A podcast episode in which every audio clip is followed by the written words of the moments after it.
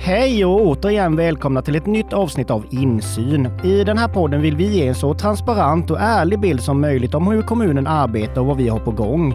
Vi vill att du som lyssnar helt enkelt ska få bättre insyn. Som vanligt är det Vetlanda kommuns kommunikationsavdelning som gör den här podden. Jag heter Niklas Karlsson. Och jag heter Anneli Jönsson. I det här avsnittet ska vi prata om mat. Ett oerhört aktuellt ämne får vi väl ändå säga. Ja, inte minst med tanke på hur dyrt allt blivit och hur svårt det kan vara att få tag på vissa råvaror. Vi undrar såklart hur detta påverkar vår egen måltidsorganisation.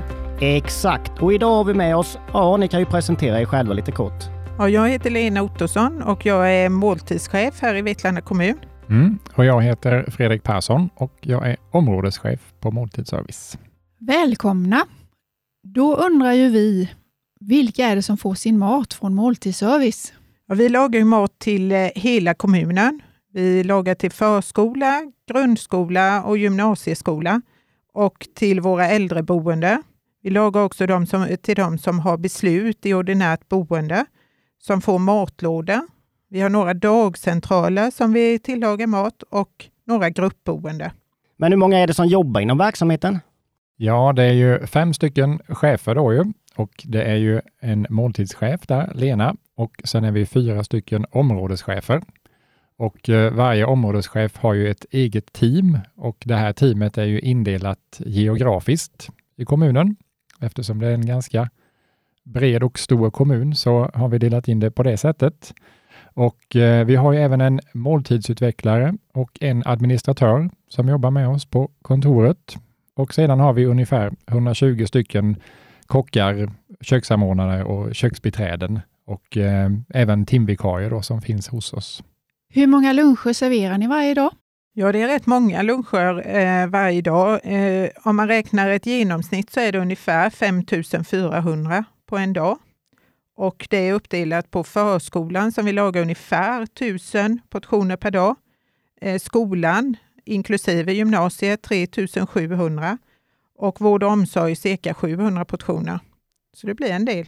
Ja, det blir det. Vet man vilken maträtt som är populärast? Ja, det är ju en liten eh, svår fråga kanske att besvara, men eh, nu när vi ser då att kostnaderna för livsmedel och sådär går upp så har vi gett vår kökspersonal en uppgift och det är att eh, de ska komma in med 15 stycken maträtter som de tycker är populära då ute på, på våra verksamheter. Det är ju skolan och förskolan. Um, och när man summerar det här så ligger väl eh, spagetti och köttfärssås eh, väldigt högt och även eh, korv stroganoff och ris ligger också bra till.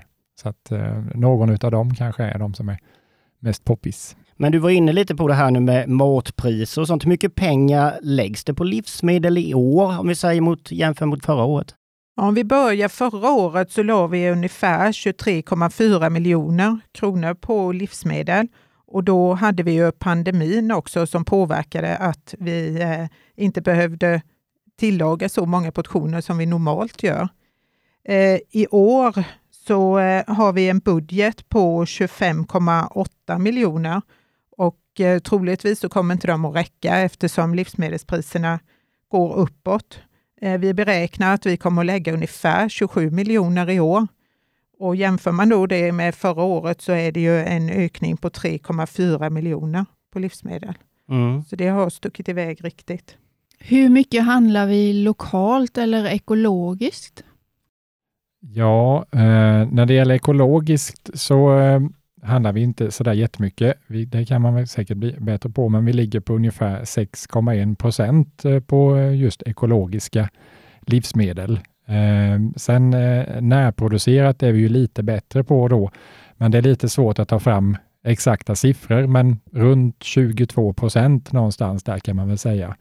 Eh, sen beräknar vi då att ja, när med närproducerat, vad är det som ingår? Ja, men det kan ju vara allt ifrån mejeriprodukter och kött och grönsaker, potatis och korv och sådär. Så att en liten mer satsning har vi väl gjort på, på de bitarna när det gäller det. Då. Men nu när priserna går upp, kan det vara så att man måste tänka bort det både närproducerade och ekologiska för att det kostar för mycket?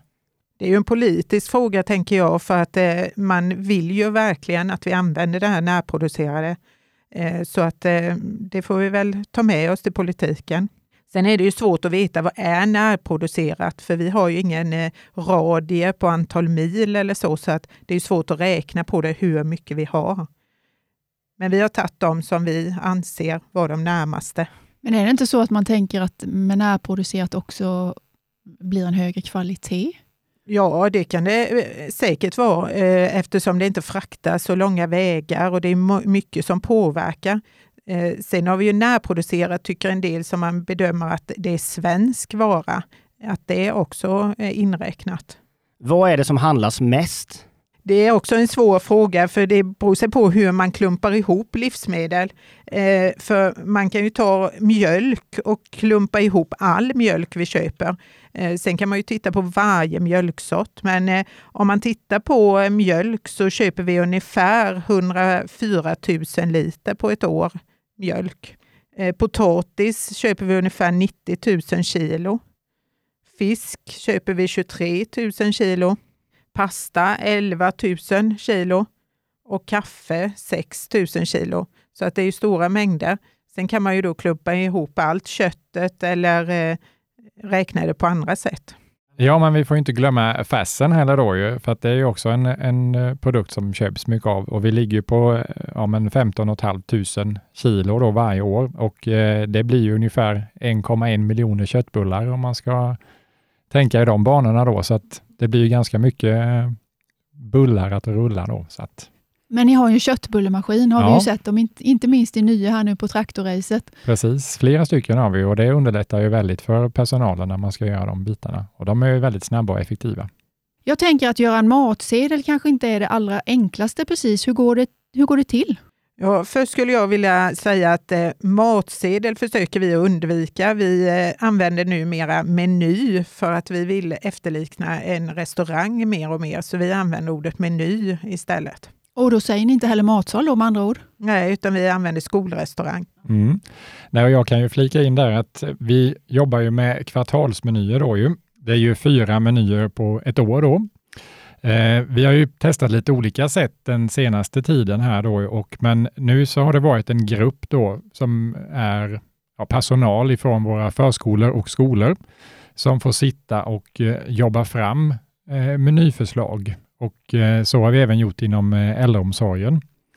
Och där är det mycket att hålla reda på. Alltså vi ska försöka följa Livsmedelsverkets rekommendationer då med en varierande meny som eh, barn och elever då ska lära sig att äta olika typer eller sorter, sorters mat. Eh, och vi ska också försöka minska då andelen rött kött och öka andelen grönsaker och det här med linser och bönor och sånt med då. Eh, och det är ju lite svårt för vissa, för att det är ju många som är ovana vid att äta kanske där hemifrån, så att vi försöker hitta alternativ för att kunna ja, eh, lösa de här grejerna då. Det är en utmaning, men eh, vi känner att ja, men det är bra att de som är ute i verksamheten får vara med och, och påverka eftersom de ser vad som funkar och inte funkar och så. Varför ska man minska rött kött? Ja, det står ju det i Livsmedelsverkets rekommendationer med då att det är ju dels för det här med klimatsmart och liknande och eh, ja, eh, påverkan på miljön bland annat och sen är det ju en eh, kostnadsfråga och lite sådana saker också. Eh, så det är mycket att räkna på och tänka in när det gäller det. Och jag tänker ett stort uppdrag som vi också har, det är ju att lära barn och elever att eh, äta en varierad kost och en näringsriktig kost. Och Det är därför vi gör menyn som vi gör. För det är precis som en lektion, att man ska lära sig matte så ska man också lära sig att äta på ett normalt sätt. Men eh, har eleverna någon möjlighet att påverka vad som hamnar på den här menyn? Ja, indirekt har de eh, eh viss påverkan. Vi, vi har inte kallat ihop ett elevunderlag och har med i menyerna, utan eh, vi eh, gör så att vår kökspersonal, de vet ju oftast vad äter barnen och eleverna bra av och så tar de med sig det när vi gör menyerna och så sätter vi ihop menyerna efter det. Men det finns ingen förslagslåda eller någonting som man kan, det här vill jag ha med nästa, på nästa meny? Eh, på de mindre skolorna så går de ju till kökspersonalen och talar om det och så kommer det med. Och eh, det är ju ofta de här vanliga rätterna som kommer upp. Vi hade ju önskeveckor ofta förr och då var det ju de här spagetti och köttfärssås, broccolisoppa som vi också vet är populär. Stekt fisk med kall sås är också sådana rätter. De kommer ju så att vi ser att det är de som de flesta gillar. Sen har vi ju måltidsråd också i, i eh, skolan och förskolan eh, där man träffar då eh, pedagoger och rektorer eh, och de har i sin tur kanske haft ett liten form av möte eller, eller matråd eller liknande där de har lyft frågor då med eleverna och då har de ju kunnat ta med sig till exempel det här med favoriträtter eller mat som man vill ha in på menyn eller lite andra tankar. Då, så. så det finns ju också där. Är det skillnad på menyn mellan skolan och vård och omsorg? Ja, det är det ju. Vi kör ju två stycken olika menyer då. Eh, förskola och skola, det är ju en.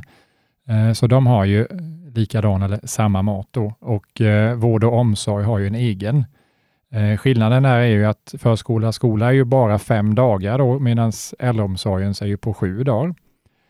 Och sen försöker vi ju köra lite mer så här modernare stil kanske på, på maten som är i, i skolan och förskolan. Och det kan ju vara det här med chicken nuggets eller wokrätter och lite mer temadagar och sådär. Eh, vegetariska bufféer är det ju också lite inslag av med då.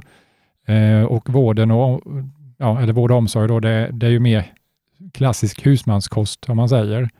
Eh, och sen eh, i förskola, skola så kanske vi använder mer andra tillbehör som eh, pasta, bulgur och quinoa och sådär. Och i, inom eh, äldrevården så är det ju mer kanske potatisrätter eller det som är det, det gamla klassiska då. Men vill inte de inom äldreomsorgen också ha lite modernare rätter? Ja, vi provar lite ibland och försöker att få till lite eh, och ibland är det uppskattat. Vi har kört lite ostbrickor och vi har kört lite pizza och så vidare. Men eh, de eh, föredrar mest husmanskosten. Men vi försöker göra lite inslag. Mm. Och Det går nog lite i, i generationer också, vad man är, är van vid. Så att beroende på vilka, vilken årskull eller man ska säga som kommer in i, eh, inom äldreomsorgen så, så ändras ju det här med, med maten också. Nu lagar ni ju så ofantligt mycket mat varje dag. Hur kan ni veta hur mycket som ska lagas? Ja, det är ingen lätt eh, eh kombination att få till det. Eh, det är mycket som kan hända. Många, eh, om vi tar skolan och förskolan så är det ju många elever och barn som kan vara sjuka. Och eh, det är inte alltid att det når fram till köket eh, och då blir det ju fel i beräkningarna. Det är mycket andra aktiviteter som eh, elever inte äter lunch utan de är på andra saker. Och då blir det också ett ändrat portionsantal. När det gäller högstadiet och gymnasiet så kan man ju välja att inte gå och äta utan gå på stan och äta eller gå till kiosken eller annat och då är det också påverkan på antal portioner. Så vi eh, är flexibla med vår mat och försöker att beräkna den så gott det går. Men har ni någon statistik på hur mycket mat som slängs varje dag? Vad händer med det som slängs eller blir över? Ja, vi gör ju mätningar på eh, matsvinnet. Eh, vi gör två stora mätningar normalt sett varje år, en på hösten och en på våren och där vi mäter noggrant vad som slängs. Sen är det många skolor som gör mätningar däremellan. Eh, tyvärr så eh, kunde vi inte utav tidsskäl göra den under våren, så den sista eh, jag har är hösten 2021. Men eh, nu ska vi göra den 2022 igen, den här mätningen. Och då mäter vi två veckor. Och det slängs en hel del mat. Eh, om man går tillbaka då till 2021 så slängs det ungefär 1000 kilo mat i kantinsvinn som vi kallar det. Och det är ju, från, det är ju mat som vi har producerat som ingen har tagit egentligen, som är i serveringsdisken och som slängs innan någon har tagit den på tallriken. Sen mäter vi också tallrikssvinn och det är cirka 1000 kilo det också. Och det är det eleverna har tagit på sin tallrik och sen slänger i grön påse när de lämnar skolrestaurangen. Och det är ju stora mängder, eh, men samtidigt tittar vi tillbaka i tiden så har det minskat. Eh, och framförallt kantinsvinnen, för där jobbar ju vi med att ta tillvara så mycket vi någonsin kan i köken och kunna producera annat utav det som eh, har serverats. Men vad kan det bero på att man tar till sig för mycket mat och slänger från tallrik då?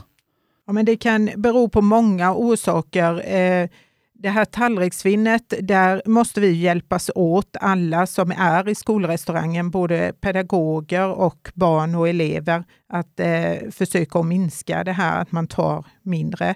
Och det, är, det som påverkar kan vara köer, det kan vara måltidsmiljön allmänt, att det är stökigt, att det är för många inne samtidigt i skolrestaurangen och så vidare. Man tar mycket mat för man känner sig hungrig och så när man kommer till sin plats så orkar man inte äta upp och man orkar inte stå i kö en andra gång. Sen har vi börjat spåna i det här och man kan ju undra varför vi har den gröna påsen att slänga mat. Eh, varför har vi den överhuvudtaget? För det kanske nästan att man uppmanar till att slänga. Det kanske är en vettig idé att ta bort den helt och hållet. För varför ska vi kunna slänga mat? Men om man summerar på ett år då, hur mycket kostar den här maten som slängs? Ja, det är ju svårberäknat eh, eftersom vi kan slänga både potatis och kött, men man brukar räkna med en schablon på ungefär på 30 kronor per kilo. Och då blir det lite mer än en miljon som eh, det kostar den mat vi slänger på ett år. Nu sa ni ju innan att det är svårt att planera hur mycket mat ni ska laga varje dag, men vad kan man göra med den maten som blir kvar i serveringsdisken? Ja, men man kan göra väldigt mycket med det eh, och där har vi ju fått också lite eh, lättare att ta hand om den då. Eh, tidigare så var det ju att all mat som var ute i den här linen som vi säger, den skulle ju eh, liksom slängas. Men eh, nu får vi ju ta tillbaka det som vi kan och använda det till, ja, förädla det på något annat sätt. Ehm, och vi har ju väldigt kreativa kockar och personal i vår verksamhet, så att det är alltifrån tomatsåser till eh, ha eh, grejer i bröd och eh, ja, hitta på andra saker med de här då. Eh, och eh, till viss del också kanske sälja några matlådor. Um, och det är ju framför allt för personalen som finns på skolan då som kan köpa under en, en begränsad tid på den maten som finns ute i linen. Men du nämnde lite det här tidigare, men hur har verksamheten blivit påverkad av de här ökade livsmedelspriserna? Ja, vi, eh, det blir ju eh, påverkan ute i köken. De tycker ju att sina fakturor är väldigt, väldigt höga och eh, tycker det är jobbigt. Eh, men vi håller på att försöka se över menyerna nu för att eh, till exempel dryga ut recepten på olika sätt.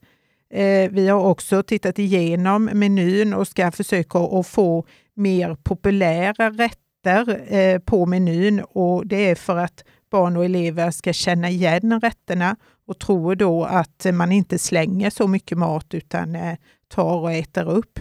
Så vi håller på att jobba mycket med det här med eh, hur vi ska få ner kostnaderna. Vissa livsmedel tar vi mycket mer sällan som är mycket dyra. Bland annat lax är ju en sån som vi försöker ha mer sällan nu för att den är så dyr. Kan det bli så att det här lärandet som du var inne på innan, att man ska lära sig att äta olika rätter, att det försvinner lite nu då när man ska ha lite mer fokus på populära rätter? Vi hoppas inte det, för vi eh, tänker att man kan ha lite provrätter och så också som eh, man kan ha vid sidan om och testa. Så att vi hoppas att... Eh, och sen kan man ju lära mycket utav mat och delar utav mat ändå. Finns det några varor som är extra svåra att få tag på eller kanske inte går att få tag på alls? Ja, men vi har ju massa eh, olika avtal då eh, när det gäller våra eh, livsmedel, eller massa, vi har avtal på dem helt enkelt. Eh, och en del varor där har ju varit svåra att få tag i just kanske på den märket eller fabrikatet eller så. Men då har vi ju kunnat få tag i, i likvärdiga produkter. Eh, sen en del då som vi använder i i stora kvantiteter och en del är lite mindre får vi kanske ersätta med, med något annat. Eh, vi kan ju ta bara några exempel. Eh, minimajs och fläskpannkaka, inlagda rödbetor, inlagd gurka, rapsolja, ris och någon kycklingprodukt. Det är ju sådana grejer som har varit knepiga att få tag i, men då har man fått eh, likvärdigt eller något annat ifrån leverantören istället. Eh, sen pumpakärnor är svårt att få tag på Ja, det är lite olika, eh, men man ser där att vi har fått lite indikationer på att vissa odlingar då i, i andra länder, de eh, lägger ner nu då för att det inte blir eh, lönsamt att ha det igång. Det blir för dyrt att kunna driva runt det och vi ser väl att det kommer bli mer och mer sånt här framåt vintern och kanske få svårt att få tag i vissa grönsaker och vitkål och tomater och, och sådana där produkter. Då. Du sa fläskpannkaka. Ja, precis. Eh, vi försöker ju laga så mycket som möjligt från grunden, men i, i eh, vissa lägen så, så är det inte hållbart eller tidsmöjligt om man säger och då har vi ju haft en, eh, en färdig fläskpannkaka som funkar ute i verksamheten som eleverna tycker om. Då. Vad finns det då för utmaningar med att inte kunna handla det man brukar? Ja, men, eh, när vi gör eh, avtalen eller när vi upphandlar livsmedel lägger vi ju ner en enormt arbete på att det ska vara kvalitet på våra varor.